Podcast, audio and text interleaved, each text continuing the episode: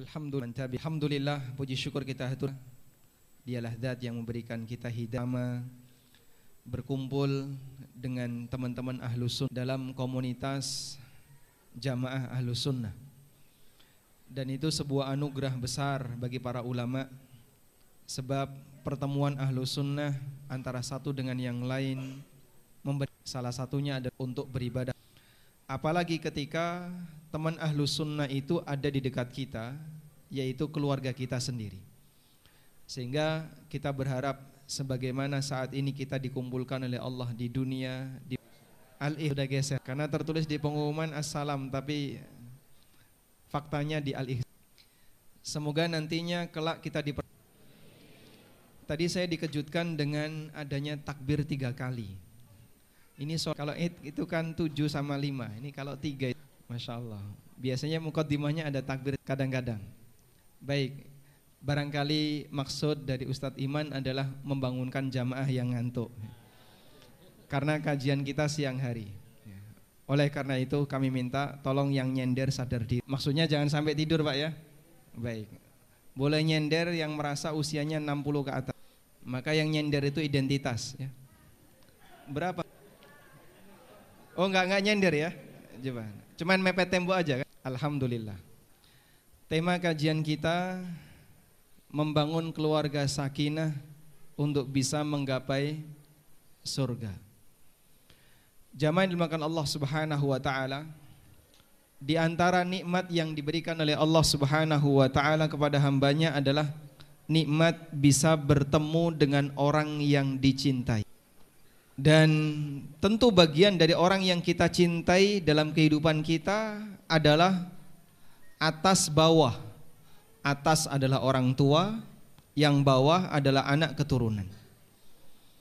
Sehingga siapa pun tentu berharap ketika dia berbahagia, dia juga bisa berbahagia bersama dengan anak keturunannya, bisa berbahagia bersama orang tuanya, bisa berbahagia bersama pasangannya.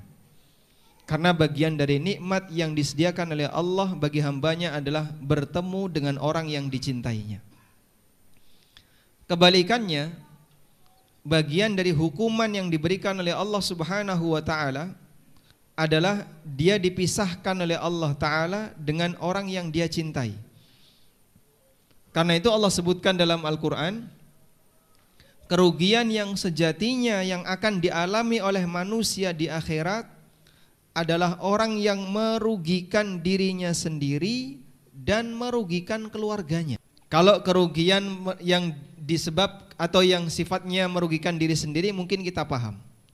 Lalu apa yang dimaksud merugikan keluarganya? Bagi yang bawa mushaf silahkan dibuka surat Az-Zumar ayat 15. Silahkan mushafnya dibuka, buka mushaf bukan HP ya. Gimana nggak jadi? Di HP-nya ada WA-nya Pak? Ada wawasan Al-Quran ada? Ada baik. Silahkan dibuka surat Az-Zumar ayat 15. Az-Zumar itu surat keberapa Ustadz?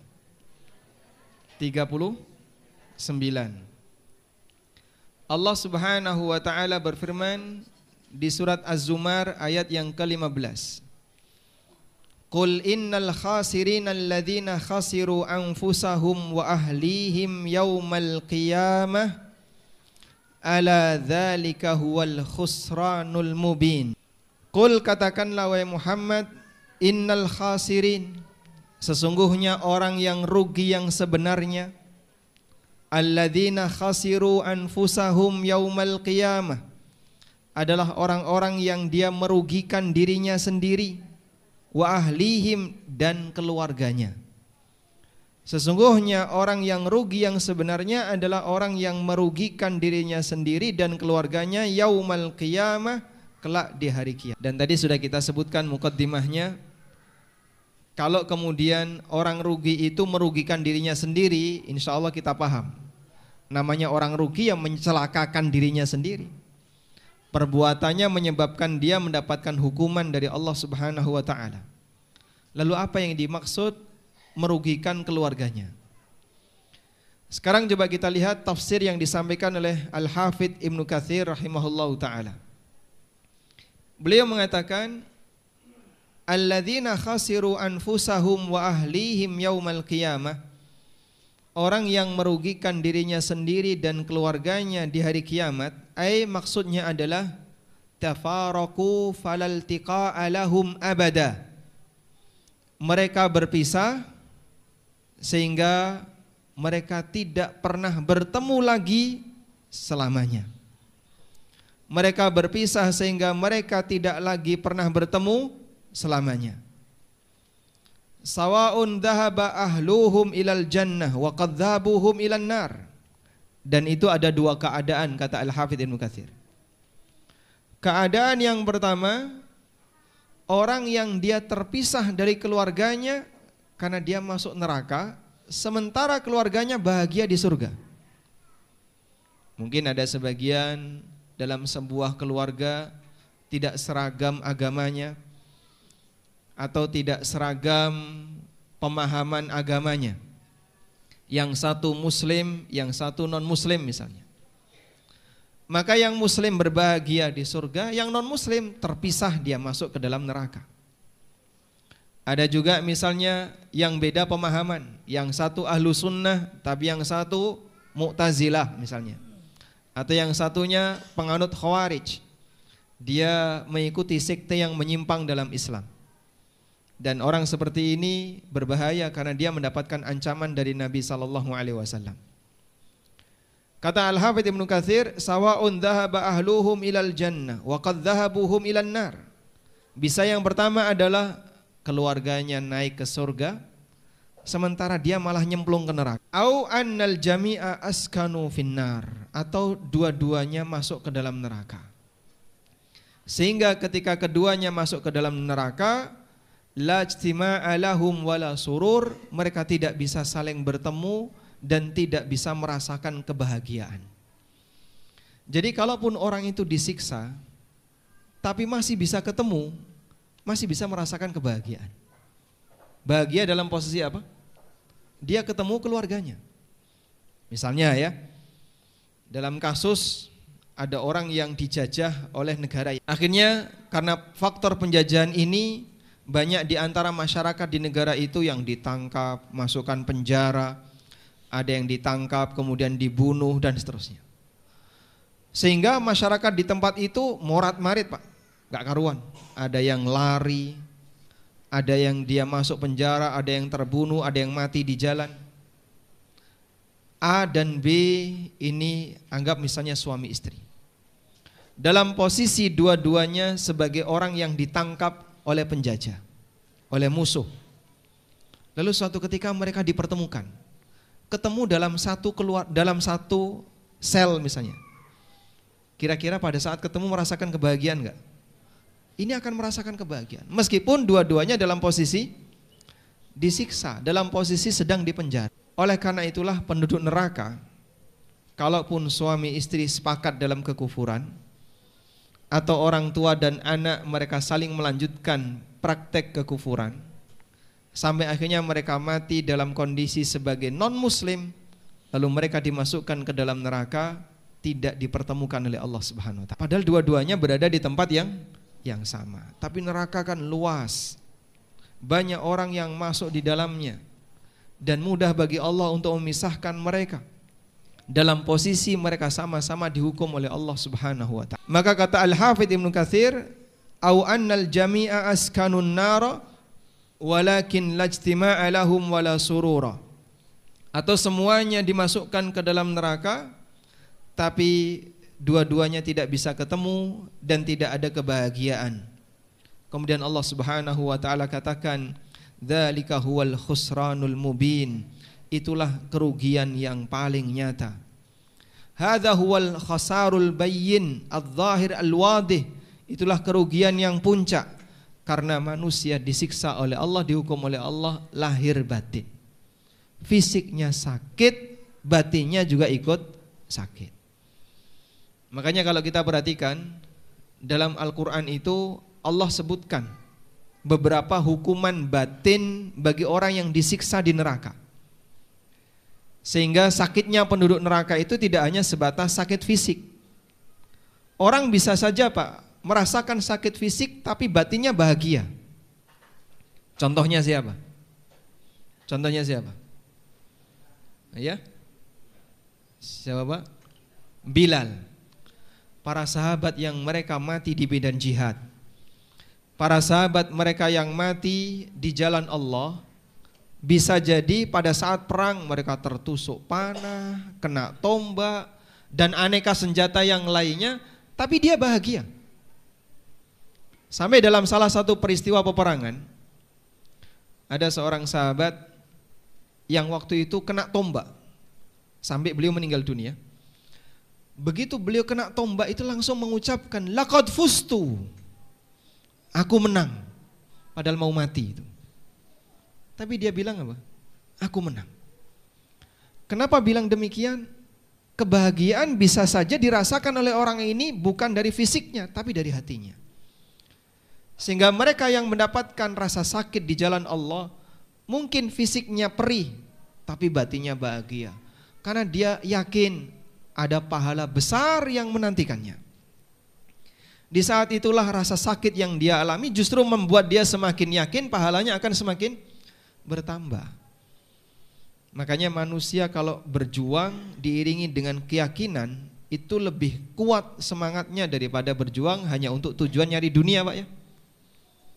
Sebab dengan keyakinan itulah yang membuat dia semakin semangat untuk maju dan tidak takut dengan aneka ancaman yang ada di hadapannya meskipun itu mengancam kematian. Ada salah satu di antara tokoh Khawarij ya sebenarnya dia belum sampai pada tokoh eh, tokoh ilmiah, tapi dia pelaksana.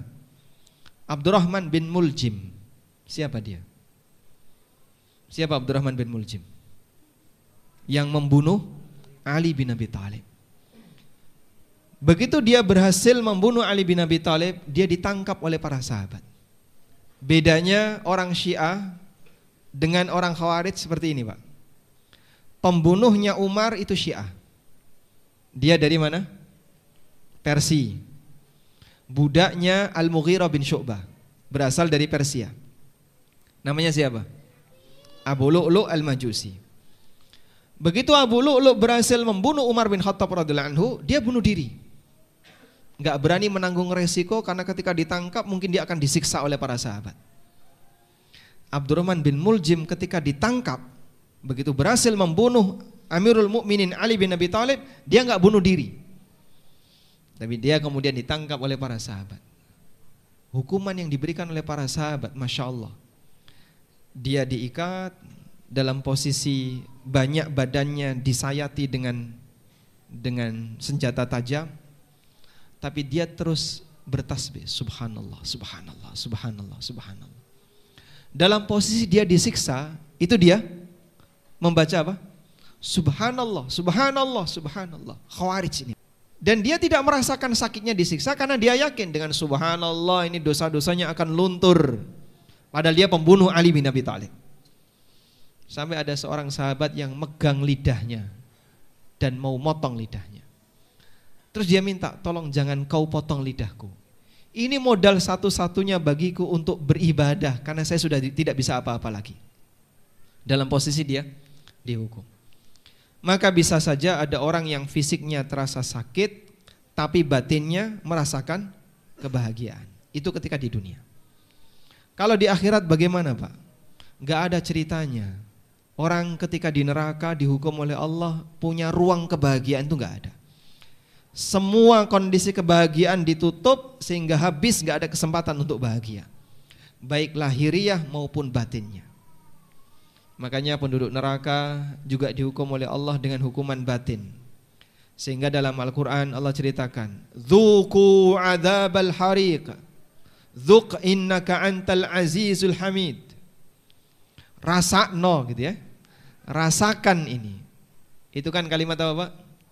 Taubih berisi celaan Sehingga orang itu juga turut merahasiakan Juga turut merasakan Kehinaan kesedihan karena Allah Subhanahu wa taala tidak hanya memberikan hukuman kepada fisiknya tapi Allah juga memberikan hukuman kepada batinnya. Sudah disiksa, dihina. Jadinya apa? Sakit lahir batin. Baik. Maka jamaah di belakang Allah Subhanahu wa taala sebagai orang yang beriman yang setelah kita paham akan dalil yang tadi kita baca, mari kita sama-sama berjuang. Jangan sampai saya, anggota keluarga saya, dan seluruh keturunan saya masuk dalam ayat ini. Kita berharap bisa berbahagia bersama di akhirat sehingga berkumpul berbahagia bersama keluarga ketika di akhirat bagian dari anugerah dari Allah Subhanahu wa taala. Selanjutnya jamaah dimulakan Allah Subhanahu wa taala. Di antara bukti bahwasanya berbahagia di akhirat bisa berkumpul bersama keluarga adalah janji yang disebutkan oleh Allah Subhanahu wa taala dalam Al-Qur'an. Tepatnya di surat Tur. Sekarang beralih ke surat Tur. Allah Subhanahu wa taala berfirman, "Walladzina amanu wattaba'athum dzurriyyatahum" dan orang-orang yang beriman kemudian diikuti oleh keluarga mereka dalam masalah iman. Al-haqna bihim dzurriyyatahum. Sudah ketemu? Baik, ayat 21. Surat At-Tur ayat 21. Sudah ketemu jamaah? Baik. Di musafnya ada surat At-Tur, Pak?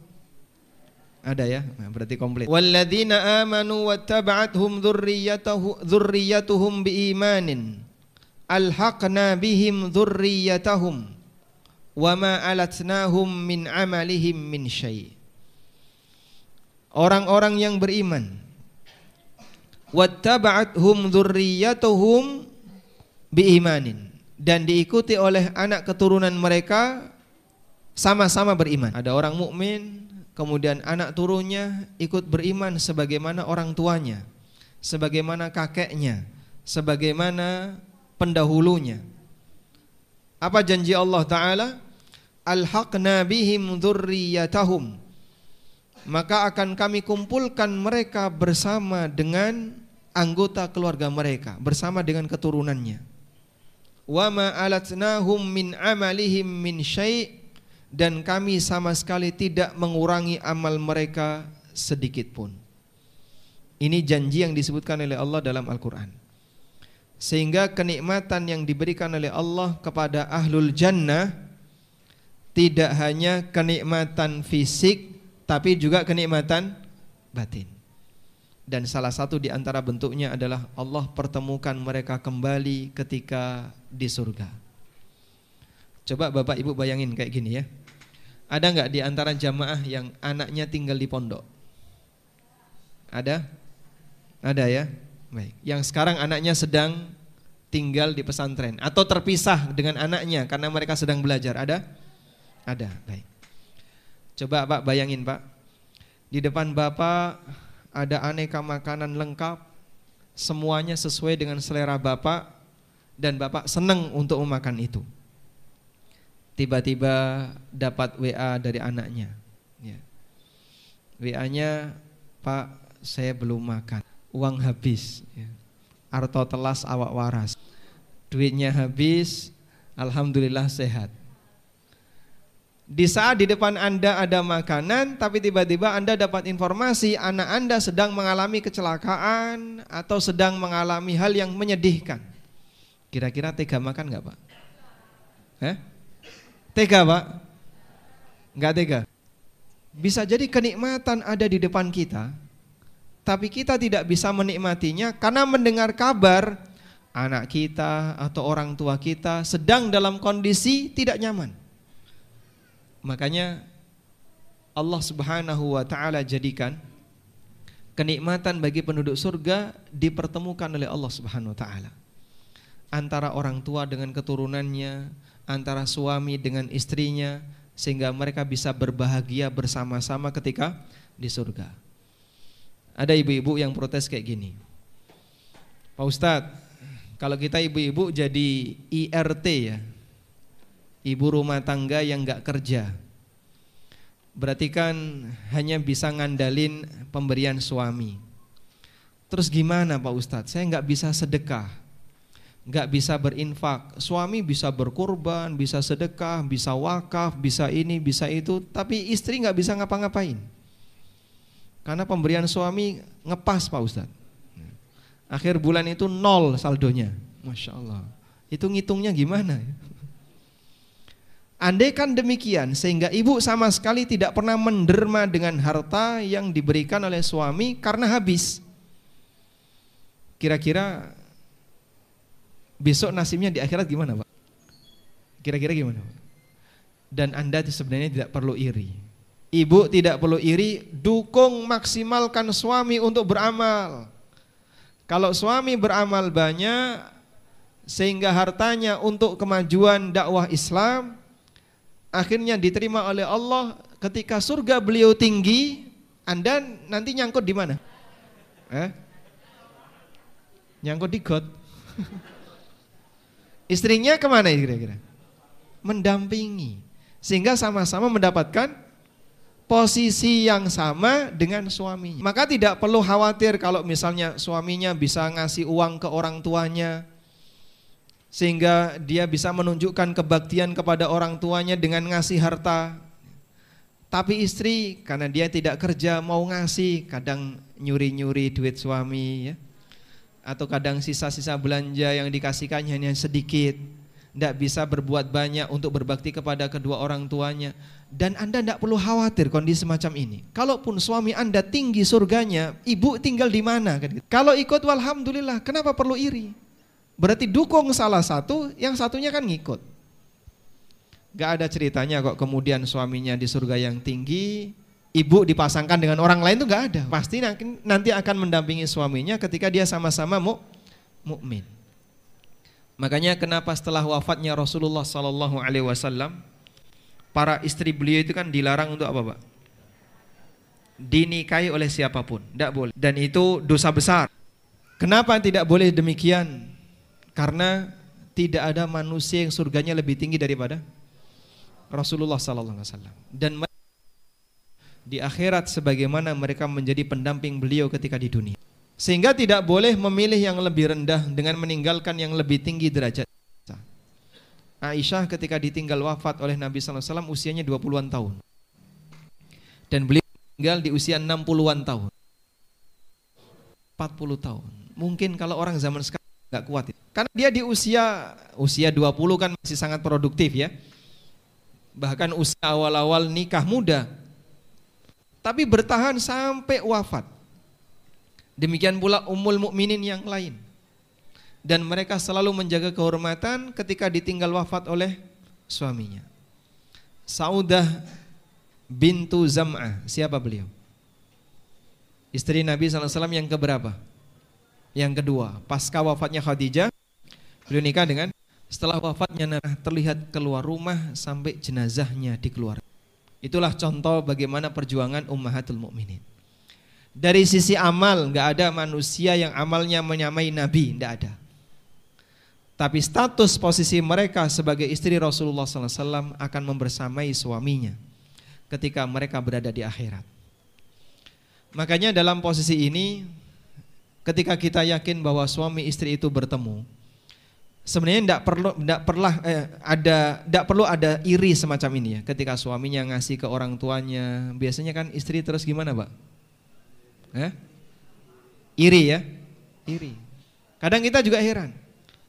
Wahai para ummahat, Anda lebih pilih mana? Suami Anda ngasih uang ke ibunya atau ke istri orang lain? Dua-duanya. Oh jangan. Sehingga kalau dia ngasih uang ke ibunya sebagai bentuk berbakti kepada orang tuanya, insya Allah akan menambah derajat dia di surga, semakin mempertinggi derajatnya di surga. Anda itu tidak kalah dalam masalah ini. Karena nanti kalaupun diterima oleh Allah dan surga suami semakin tinggi, istrinya ngikut.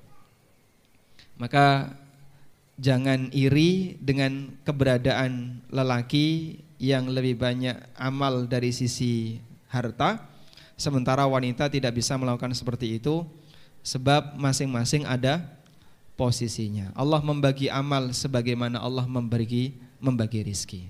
Tayyib. Selanjutnya kita lihat di sini. Anak keturunan yang ikut beriman sebagaimana orang tuanya, maka mereka akan dikumpulkan bersama dengan anak keturunannya Lalu kata Allah, "Wa ma'alatnahum min amalihim min syai'." Dan kami tidak mengurangi amal mereka sedikit pun. Maksudnya gimana Pak? Tidak mengurangi amal mereka sedikit pun. Coba saya kasih ilustrasi kayak gini ya. Ada seorang bapak yang saleh. Bapak yang baik. Diberi oleh Allah Subhanahu wa taala surga di derajat yang ke-10 misalnya. Berada di surga di grade 10.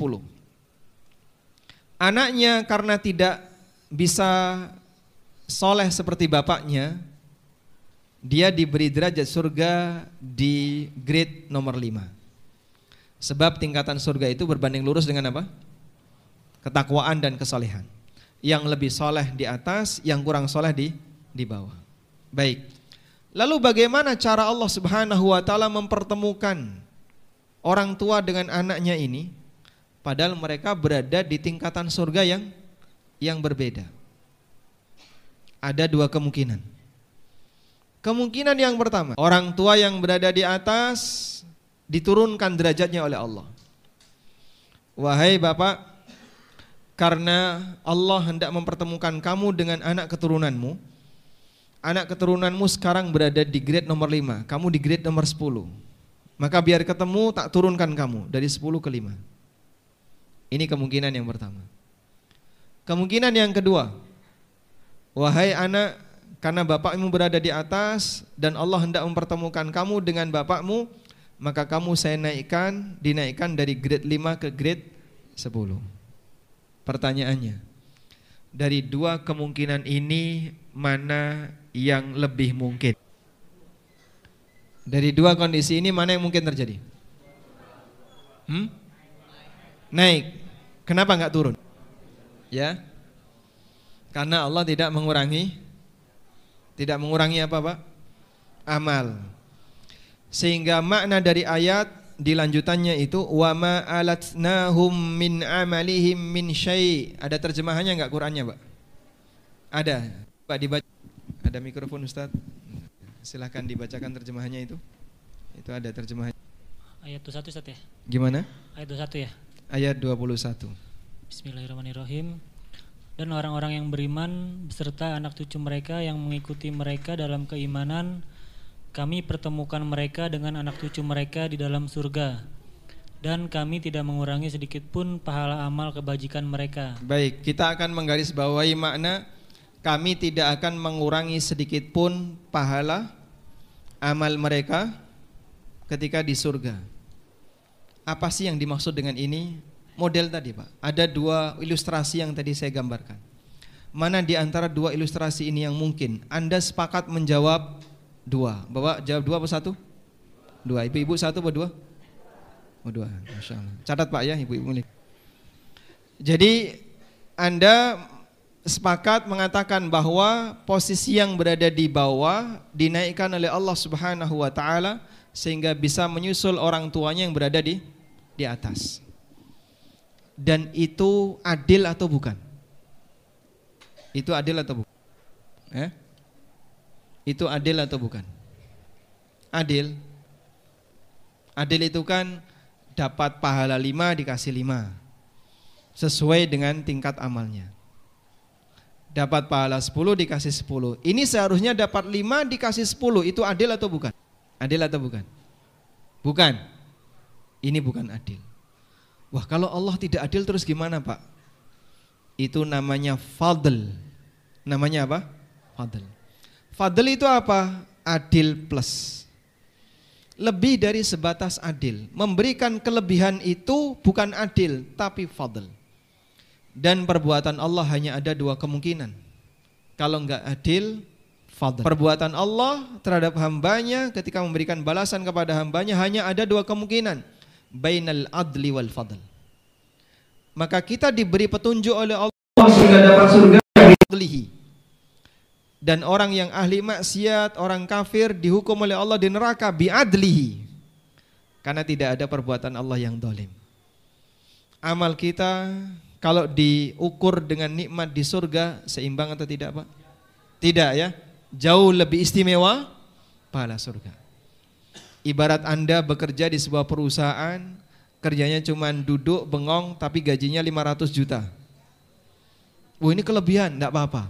Itulah yang dimaksud dengan fadl. Enggak senilai.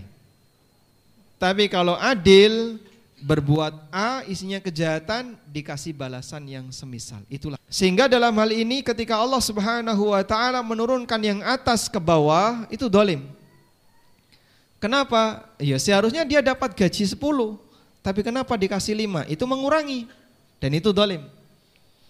Tapi kalau yang bawah dinaikkan jadinya apa? Fadl meskipun bukan adil karena fadl itu adil plus. Dipahami ya? Baik. Maka jamaah yang Allah, perlombaan yang kita lakukan dalam satu keluarga adalah lomba siapa yang lebih berjasa bagi keluarga. Dan jasa terbesar orang tua kepada keluarganya adalah ketika dia berusaha menggapai surga yang tinggi, biar nanti anak-anaknya ikut naik ke surga yang lebih tinggi. Itulah jasa yang terbesar. Bukan bisa bangunin rumah, bukan bisa ngasih hadiah mobil, bukan bisa ngasih Rubicon, bukan. tapi siapa yang bisa menghadiahkan untuk anaknya derajat surga yang tertinggi, yang lebih tinggi daripada yang seharusnya dia terima, di saat itulah anugerah terbesar yang diberikan oleh orang tua kepada anak. Sebagaimana pula yang terjadi pada anak ketika dia ingin berjasa kepada orang tuanya. Contohnya bagaimana Pak? Dia berusaha untuk berjuang agar bisa ngasih mahkota kepada orang tuanya. Caranya gimana mas? Menjadi penghafal Al-Quran. Mungkin kita ketika di dunia ini punya harapan ya. Semoga bisa menghajikan orang tua. Kalau orang tuanya belum punya rumah, pingin bisa menyediakan rumah untuk orang tua. Menghadiahkan mobil untuk orang tua. Itu rata-rata harapannya demikian. Orang tua kepada anak bisa ngasih warisan yang banyak anak kepada orang tua bisa membahagiakan dengan diberangkatkan haji atau diberangkatkan umroh atau dikasih hadiah kendaraan atau tempat tinggal. Tapi itu belum puncak. Puncaknya adalah ketika anda anugerahkan kepada orang tua sebuah pakaian kemuliaan dan mahkota di akhirat disebabkan anda dekat dengan Al-Quran. Maka jangan sampai bagi Bapak Ibu yang ketika naruh anaknya di pesantren. Ketika kita naruh anak itu di pesantren kan mungkin harapan kita dalam urusan dunia kayaknya nggak ada. Kamu nanti kalau lulus di sini mau ngambil jurusan apa? Di UI ada kedokteran, ada jurusan teknik, ada ini. Tapi lulusan pesantren kayaknya nggak masuk yang sini. Dulu ya, dulu. Sebelum mereka bisa bersaing di tempat-tempat seperti ini. Saya pernah ngajar di pondok ya, di salah satu pondok pesantren di Jogja. Anak-anak yang kelas 3, Pak. Itu mau ngomong ya, nyampaikan ke saya. Pak Ustaz saya takut lulus. Kenapa takut lulus? Madesu. Jadi tergambar dalam diri mereka itu tahu madesu, Pak. Masa depan suram mau daftar kuliah di sini nggak bakalan diterima, mau wirausaha belum tentu berhasil, nggak punya pengalaman, daftar di rata-rata kan kalau nggak Madinah, Lipia, kalau nggak gitu ya kampus sekitarnya. Tapi dengan jumlah siswa sekian, sementara peluangnya mungkin 0,1, nggak sampai 10 persen, bisa jadi cuma 5 persen, hanya 5 anak atau 6 anak, sehingga peluangnya kecil. Dan banyak yang berpikiran seperti itu, madesu. Subhanallah. Memang kalau sudah masuk di tempat seperti ini, Anda berkaitan dengan masalah perhitungan dunia kayaknya nggak masuk. Tapi ingat, kamu punya peluang yang besar untuk ngasih mahkota kepada orang tuamu. Itu anugerah yang lebih besar daripada kau bisa punya harta lalu bisa menghadiahkan mobil untuk orang tua atau bisa menghadiahkan rumah untuk orang tua lebih gede mahkota ketika kau berikan di surga. Jadi investasi terbesar di mana Pak? Mengajarkan agama kepada anak. Sampai ketika dia menjadi orang yang cinta dengan Al-Quran dan dia komitmen untuk menghafalkan Al-Quran, Masya Allah, bisa jadi suasana yang akan Anda dapatkan seperti ini Pak. Tayyip. Inilah yang dijanjikan oleh Allah Subhanahu wa taala di surat At-Tur di mana Allah Subhanahu wa taala akan menggabungkan penduduk surga antara orang tua dengan anaknya. Dan ini terjadi apabila orang tua lebih bertakwa dan lebih baik agamanya dibandingkan anak-anaknya. Sehingga dia bisa mendapatkan surga yang lebih tinggi. Dengan itu maka orang tua punya harapan nanti anaknya bisa diberi hadiah oleh dia dengan surga yang lebih tinggi. Lalu bagaimana kalau anaknya lebih bertakwa daripada orang tuanya? Sehingga surga anaknya lebih tinggi daripada surga orang tuanya. Surga anak bisa lebih tinggi dari orang tuanya ketika anak lebih soleh daripada orang tuanya. Apakah juga berlaku seperti ini? Insya Allah berlaku, tapi sebagian ulama mengatakan metodenya berbeda. Apa nama permennya? Kopiko. Oh, itu tanda sudah mulai ngantuk ya. Cukup Ustadz ya? Hah? Oh jamaah, masya Allah. Baik silahkan. Boleh bawa kopi nggak? Boleh. Tapi sasetannya aja ya, jangan dibuka. Baik kita lanjutkan dikit ya. Insya Allah setelah ini kita udah selesai. Tenang aja pak. Nggak lama kajiannya. Saya yakin anda yang nahan ngantuk itu udah nggak nyaman ya. Kajian kalau udah ngantuk itu tersiksa pak. Pengennya cepat selesai lihat jam bolak balik kan gitu. Kita lanjutkan. Apabila anak lebih bertakwa kepada orang tuanya, bagaimana caranya orang tua bisa naik ke surga yang lebih tinggi? Jawabannya adalah dengan istighfar yang dibaca oleh anak untuk orang tuanya.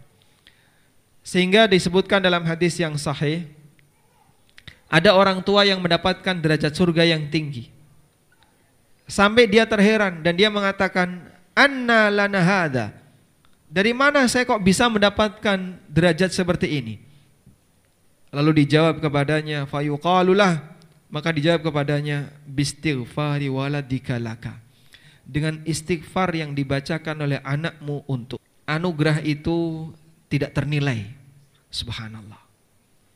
Dan orang yang saleh akan lebih sering ingat orang tuanya dan lebih sering istighfar untuk orang tuanya daripada yang kurang saleh. Anak yang kurang soleh pak, umumnya ingat orang tuanya yang sudah mati itu hanya tiga hari, tujuh hari, empat puluh hari, setahun terus seribu hari, dah selesai. Sama warisan. Tapi kalau anak itu anak yang soleh, gak ada batasan waktu sampai seribu hari. Yang penting kan sudah nyembelih kerbau seribu hari selesai pak. Subhanallah. Kamu jadi anak orang tuamu sampai kapan?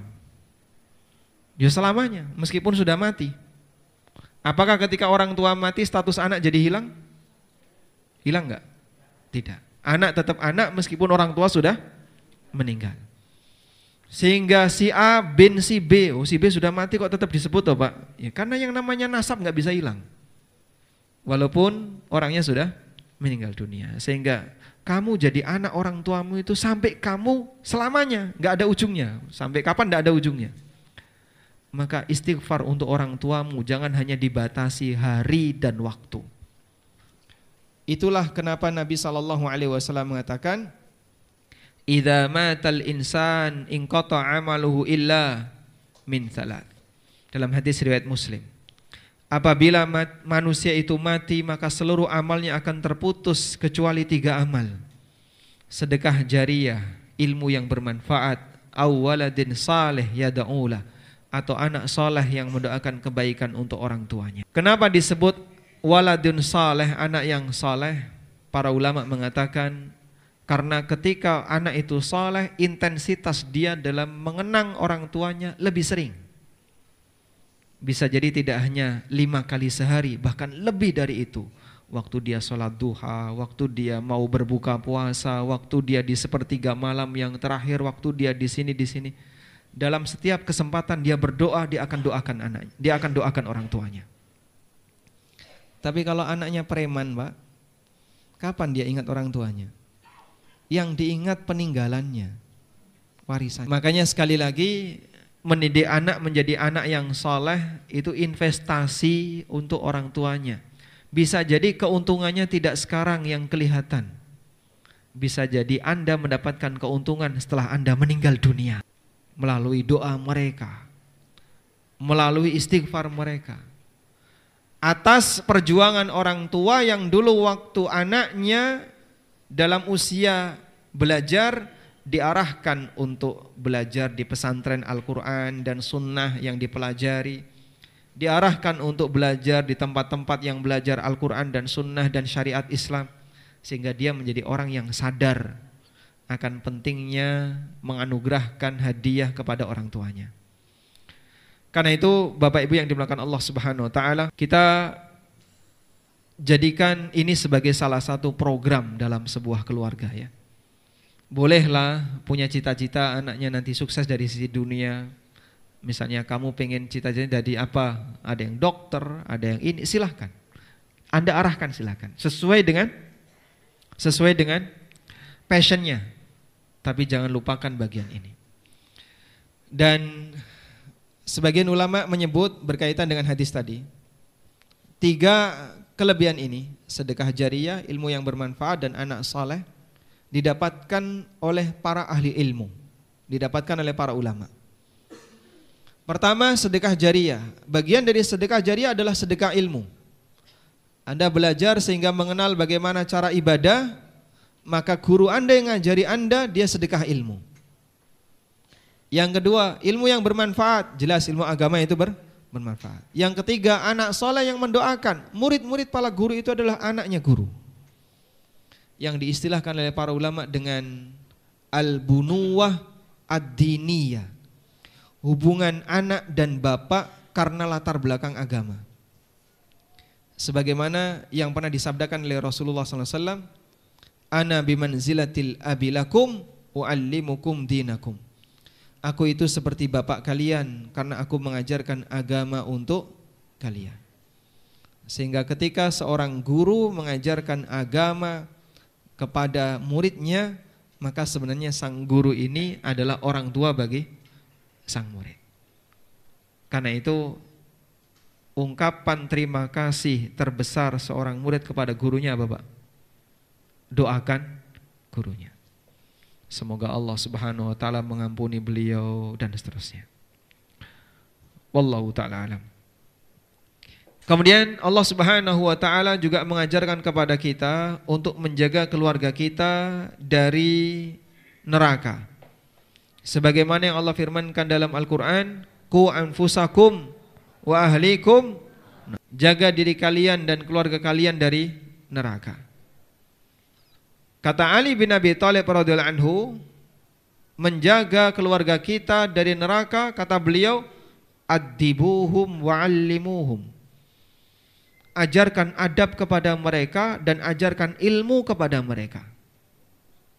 Jangan sampai anakmu menjadi musuh di dalam rumahmu karena itu jangan sam, uh, salah satu di antara upaya yang kau lakukan adalah ketika dia masih kecil di usia belajar ajarkan ilmu kepada mereka agar dia hatta yakunu aunan lakum fi taatillah sampai mereka bisa menjadi teman-teman kalian, pembantu kalian dalam melakukan ketaatan kepada Allah. Sehingga agar dalam sebuah keluarga suasana saling mendukung ta'awun alal birri wa taqwa bisa terbentuk itu melalui proses pendidikan dari orang tua kepada anaknya.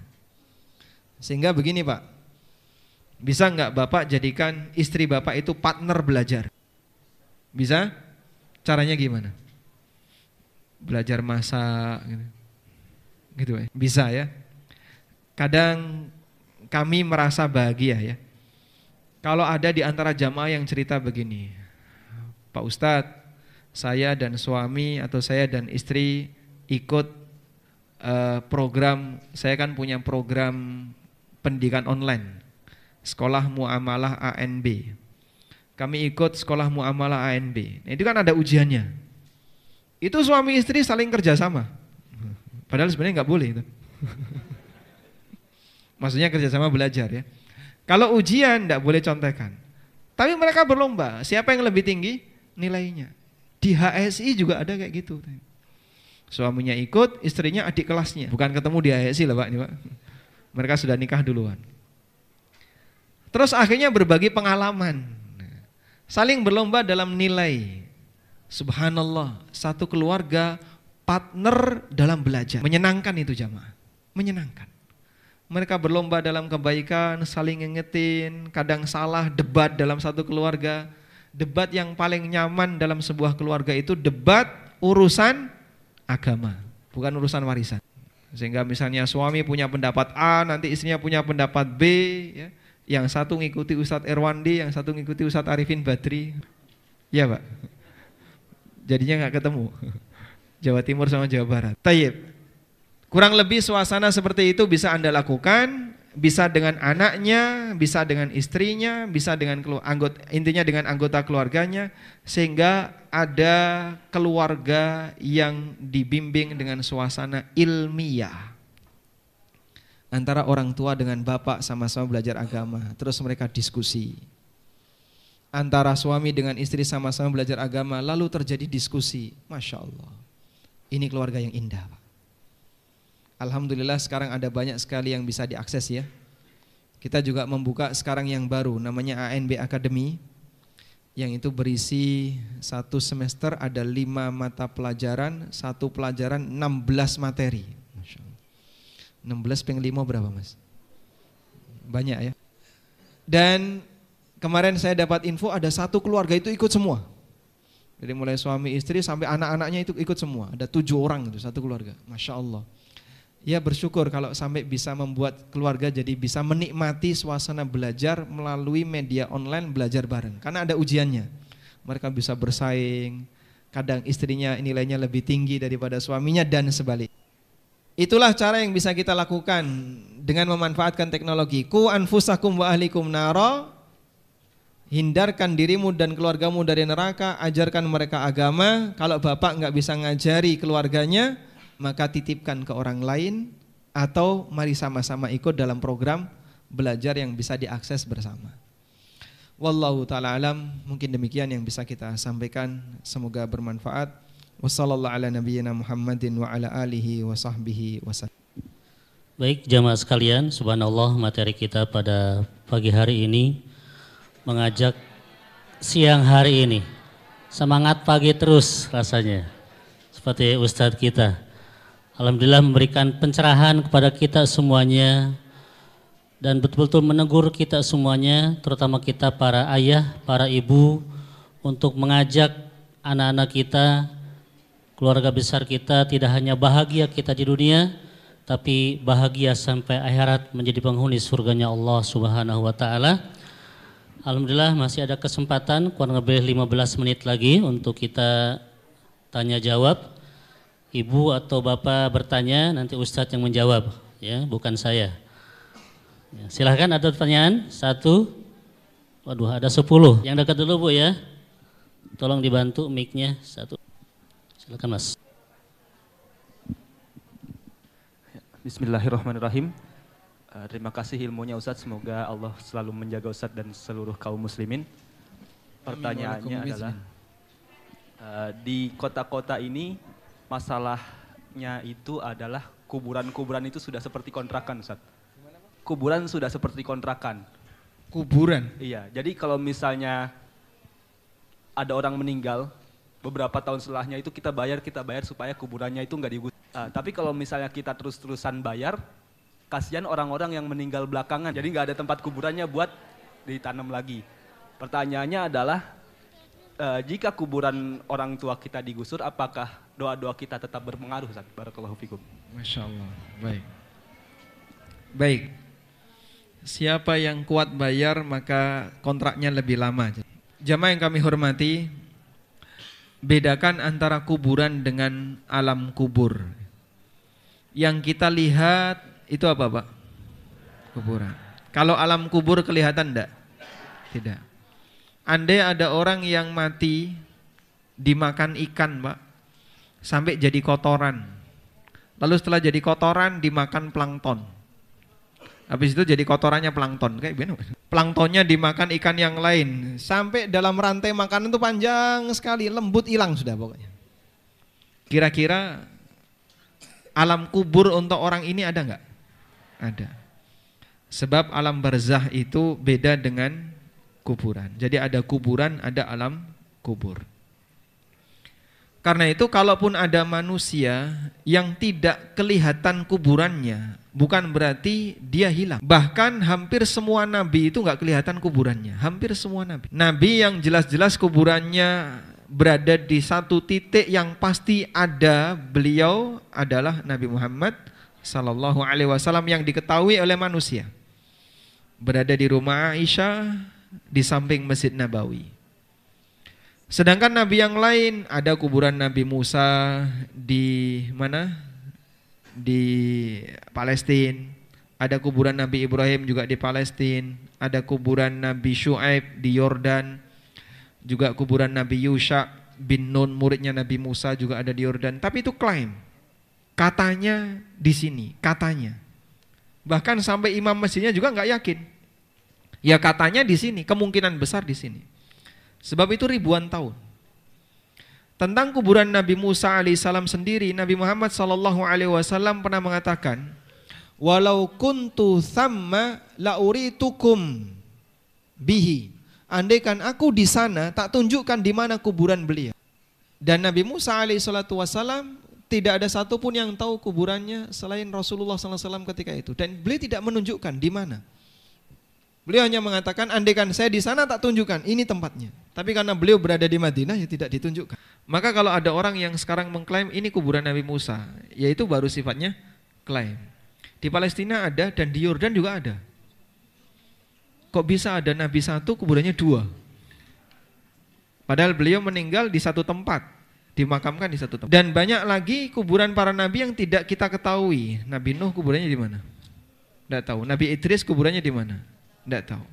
Nabi-nabi yang lain, Nabi Ismail, Nabi ini tidak tahu. Banyak para nabi yang kuburannya tidak kita ketahui. Padahal namanya disebutkan oleh Allah dalam Al-Quran. Kuburan Nabi Yusuf di mana? Tidak tahu kita ya. Baik. Sehingga kalau kuburan para nabi itu tidak diketahui, pasti mereka ada di muka bumi ini. Cuman kita tidak tahu dan dirahasiakan oleh Allah Subhanahu wa taala dan Allah tidak membongkar, tidak menunjukkannya baik dalam Al-Qur'an maupun hadis Nabi SAW. Karena yang namanya kuburan kalaupun sudah hilang tidak perlu dinampakkan. Kuburan Nabi Daniel di zaman Umar bin Khattab itu kan ditemukan ya. Jasad beliau. Lalu oleh Umar diperintahkan apa? Makamkan di malam hari buat 12 galian lalu masukkan ke salah satu, setelah itu ratakan dengan tanah semuanya untuk menghilangkan jejak. Agar tidak menjadi situs kesyirikan. Sehingga bukan malah ditampakkan, tapi seharusnya di, di sehingga uh, titik itu orang tidak tahu. Di mana pastinya nggak tahu. Yang jelas mereka sudah dimakamkan.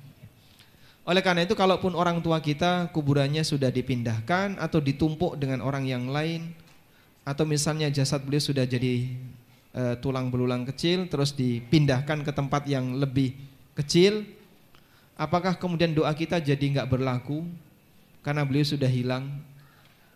Jawabannya tetap berlaku. Sebab beliau berada di mana? Alam barzah bukan di bukan sebatas di kuburan. Jadi ada kuburan ada alam kubur. Bisa dibedakan ya? Nah wallahu alam Baik. Ada pertanyaan bertulis Ustaz. Bila Afwan Ustaz, kalau suami tidak mau tahu tentang semua urusan rumah tangga seperti makan, pendidikan anak-anak, sekolah, kontrakan dan lainnya, si sayang dan tanggung jawab. Apa hukumnya kalau kita meminta berpisah? Karena biaya rumah tangga istri semua yang menanggung, mohon pencerahannya. Nah. Kalau sampai yang terjadi adalah suami sama sekali tidak ngasih nafkah, maka ini bisa menjadi alasan istri boleh berpisah. Khulu itu adalah gugat cerai dan gugat cerai diperbolehkan jika ada sebab syar'i yang mengizinkan. Tapi kalau nggak ada sebab syar'i dosa besar. Ya. Talabat talaqa min zawjiha min ghairi ma bi ba'sun fannaru haramun 'alaiha fal jannatu haramun laha siapa pun wanita yang meminta cerai dari suaminya tanpa alasan maka dia haram untuk masuk surga. Waliyadzubillah. Oleh karena itu dalam hal ini jika suami tidak memberi nafkah maka istri berhak untuk khulu Jika sudah tidak memungkinkan untuk dikembalikan ke dalam kondisi normal, diajak untuk kembali menjadi suami yang baik, sudah nggak bisa lagi. Ya. Setiap hari suami keluar rumah, tapi pulang hanya bawa pancing. Ya.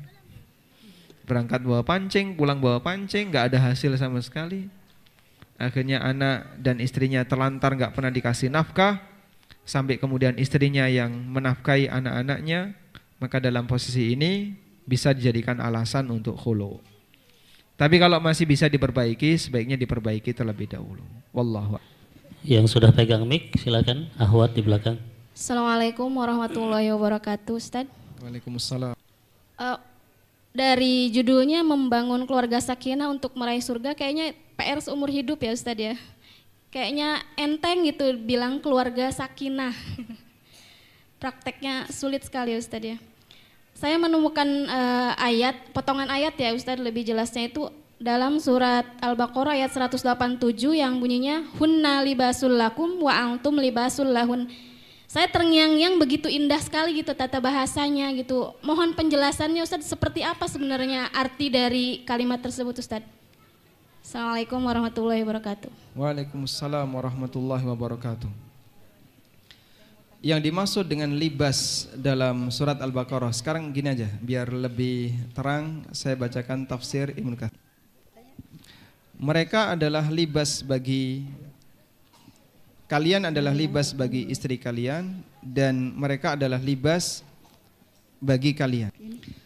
Saya bukakan tafsir Ibn Kathir ya. Apa yang dimaksud dengan libas dalam ayat ini? Ayatnya karena panjang jadi sampai di bawah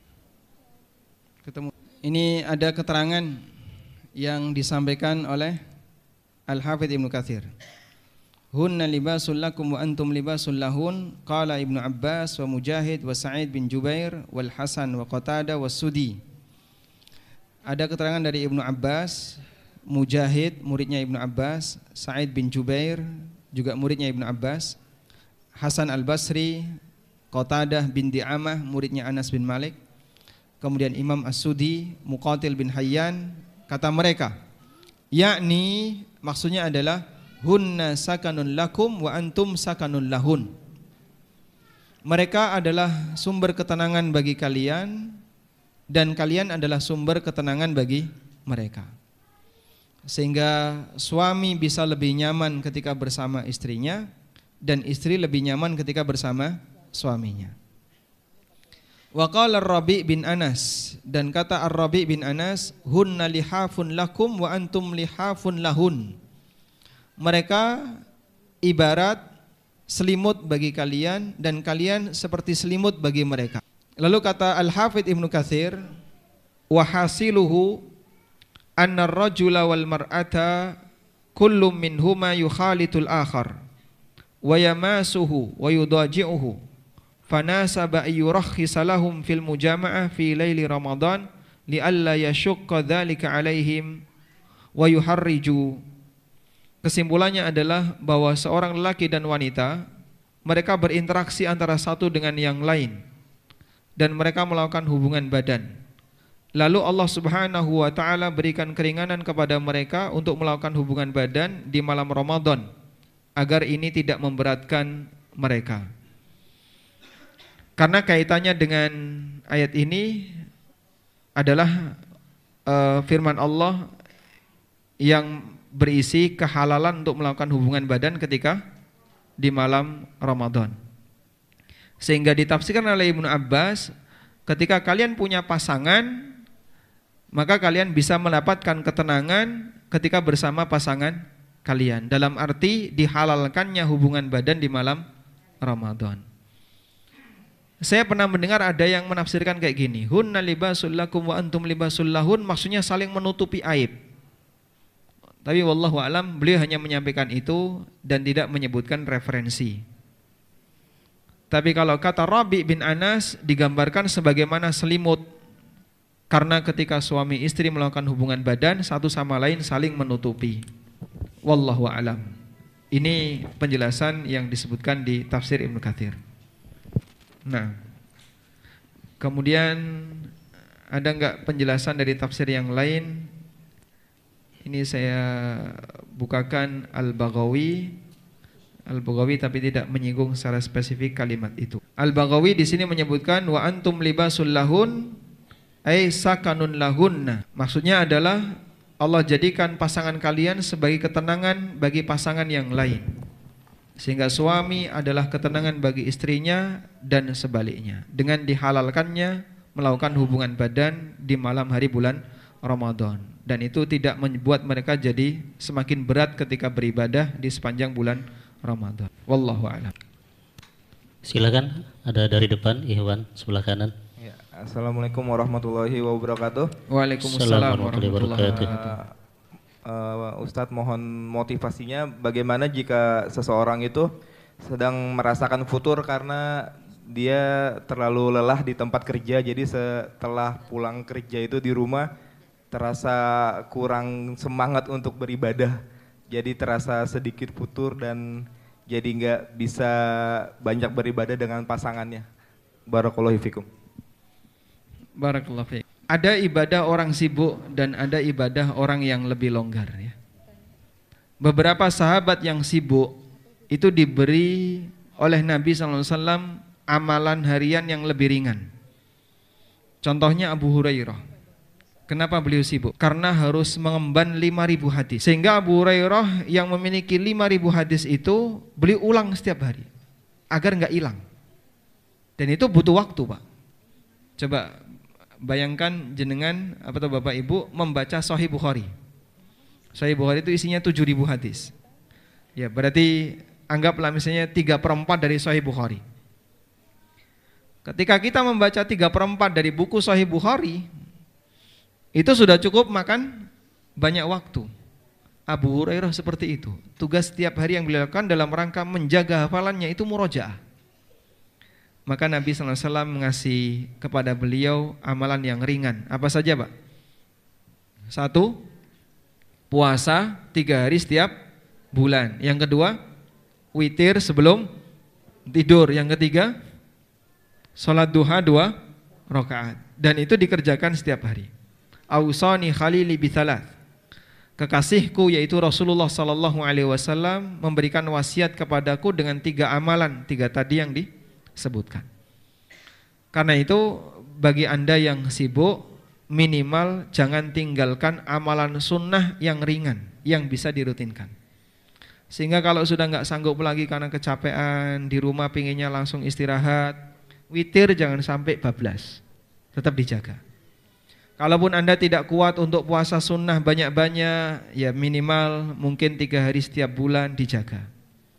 Kalau Anda tidak bisa sholat duha dalam jumlah yang banyak, kalau bisa dua rakaat dijaga.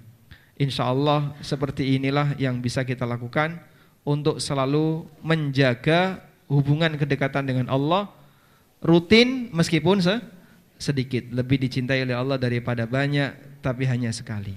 Wallahu a'lam. Terakhir ini Alhamdulillah. Jika tidak ada lagi pertanyaannya lewat YouTube Ustaz. Bismillah. Assalamualaikum warahmatullahi wabarakatuh. Waalaikumsalam warahmatullahi Maaf wabarakatuh. Ustadz mau tanya bagaimana kalau suami susah susah sholat anak yang susah payah diajarin sholat juga kalau di rumah susah diajak sholat karena mencontoh ayahnya bagaimana solusinya Dalam posisi ketika panutan yang baik tidak ada di rumah, berarti Anda bisa pindahkan dia ke tempat yang lain. Biar bisa mendapatkan panutan yang lebih baik. Misalnya bapaknya pemalas, tukang ngerokok, atau praktek yang lain yang kayaknya tidak bagus kalau sampai ditiru oleh anaknya. Ibu yang sadar akan masa depan anak biar dia bisa menjadi anak yang soleh, anda bisa titipkan ke pondok pesantren. Ya daripada nanti di rumah dia nggak punya contoh yang baik, taruh di mana? Pondok. Di pondok alhamdulillah kawan-kawannya berbuat taat kepada Allah. Ustadz dan ustadzahnya ikut berbuat taat kepada Allah, beribadah kepada Allah, semoga jadi motivasi bagi dia. Itu yang kira-kira bisa jadikan sebagai solusi. Jadi nanti tanggung jawab suami ya dia sendiri dan posisi Anda sebagai istri ingatkan sebisa yang dilakukan doakan semoga ada perubahan. Baik. Wallahu alam. Tapi ini maaf Ustaz, ada satu lagi ini. Oh, masya Allah. Ini sebaliknya ya. Ustadz mohon maaf bagaimana menghadapi istri yang punya sifat suuzon terus berlebihan dan overprotective confident adanya cekcok mulu gimana ini Ustadz? Waalaikumsalam warahmatullahi wabarakatuh. Inilah ujian ya. Allah Subhanahu wa taala jadikan antara satu manusia dengan manusia yang lain itu menjadi sumber ujian. Allah berfirman di surat Al-Furqan, "Wa ja'alna ba'dakum li ba'din fitnah atasbirun." Aku jadikan sebagian kalian menjadi sumber fitnah bagi sebagian yang lain sejauh mana kalian bersabar. Sehingga kadang ada suami yang bagus tapi istrinya kayak gitu. Sebaliknya Anda kadang juga menilai ada istri yang bagus tapi suaminya kok kayak gitu gitu. Hidup itu kalau bahasa Cinanya wang sinawang. Bahasa Cina tuh itu ya. Oh, bahasa Jawa. Jadi kadang orang menilai kayak gitu. Kok bisa ya Pak Ustadz? Ini suaminya soleh tapi istrinya malas ibadah. Yang ini istrinya rajin ibadah, suaminya yang malas ibadah. Kenapa ini nggak dipasangkan dengan itu, yang ini dipasangkan dengan ini? Kan klop jadinya. Emang yang ngatur jodoh kamu. Kalaupun sampai terjadi, ini pembenaran dari firman Allah. Allah jadikan antara satu manusia dengan yang lain, mereka menjadi sumber fitnah. Atas birun sejauh mana mereka bersabar. Dan Anda tidak perlu kaget. Ada orang soleh tapi istrinya kafir. Contohnya siapa? Istrinya Nabi Lot dan Nabi Nuh. Sampai Allah jadikan sebagai perumpamaan. Daraballahu mathalan lilladzina kafaru imra'ata Nuh wa imra'ata Lut. Allah buat perumpamaan tentang orang kafir itu seperti istrinya Nabi Nuh dan istrinya Nabi Lot. Orang yang dekat dengan Nabi tapi nggak ngefek sama sekali sebab hidayah itu tidak turun karena alur karena alur kenabian. Sehingga keturunan Nabi belum tentu jadi orang saleh sebagaimana istri Nabi juga belum tentu jadi orang saleh. Itu jadi pelajaran bagi manusia. Kamu dekat dengan orang soleh belum tentu jadi orang soleh. Tetangganya kiai tapi ratau ngaji ya percuma saja. Dia hanya bisa mendapat kebanggaan. Alamat bapak di mana? Oh saya tetangganya kiai ini. Udah di situ aja. Tapi nggak pernah dapat ilmunya. Bisa jadi orang yang jauh dari seorang ahli ilmu, tapi dia bisa dapat ilmu karena datang mendekat. Makanya hidayah diberikan oleh Allah sesuai dengan siapa yang dia kehendaki. Karena itu bagi Anda yang misalnya dalam posisi ada istri yang lebih rajin ibadah dibandingkan suaminya, istri perlu bersyukur semoga saya menjadi pioner kebaikan dalam keluarga. Pahala Anda bisa jadi lebih besar dari suami. Karena yang jadi sebab dapat hidayahnya anak, dapat hidayahnya suami bisa jadi istrinya. Dan sebaliknya. Suami yang lebih baik daripada istrinya dalam satu keluarga bisa jadi dia menjadi pioner dan menjadi sebab istri dan anaknya dapat hidayah. Nanti pahala dia makin makin besar. Sehingga dalam posisi ini untuk pengamanan dulu silahkan anak ditaruh di tempat yang tidak sampai terpengaruh dan terkontaminasi dengan keluarganya. Sedangkan pasangannya ini saling berjuang untuk mempengaruhi. Sebab hakikat dari hidup adalah saling mempengaruhi. Wallahu alam. Cukup Ustaz. Alhamdulillah. Walhamdulillahirabbil alamin. Demikian yang bisa kita sampaikan. Kajian kita cukupkan sampai di sini karena Anda belum makan siang. Sudah? Belum ya, banyak yang belum. Semoga Allah Subhanahu wa taala jadikan ilmu yang kita pelajari ilmu yang bermanfaat. Allahumma anfa'na bima 'allamtana wa 'allimna ma yanfa'una warzuqna ilma. Rabbana hab lana min azwajina wa dhurriyyatina qurrata a'yun waj'alna lil muttaqina imama. Rabbana atina fid dunya hasanah wa fil akhirati hasanah wa qina adzabannar. Wa sallallahu ala nabiyyina Muhammadin wa ala alihi wa sahbihi wa sallam wa akhiru da'wana anil hamdulillahi rabbil alamin. Wassalamu alaikum warahmatullahi wabarakatuh. Waalaikumsalam warahmatullahi wabarakatuh. Kita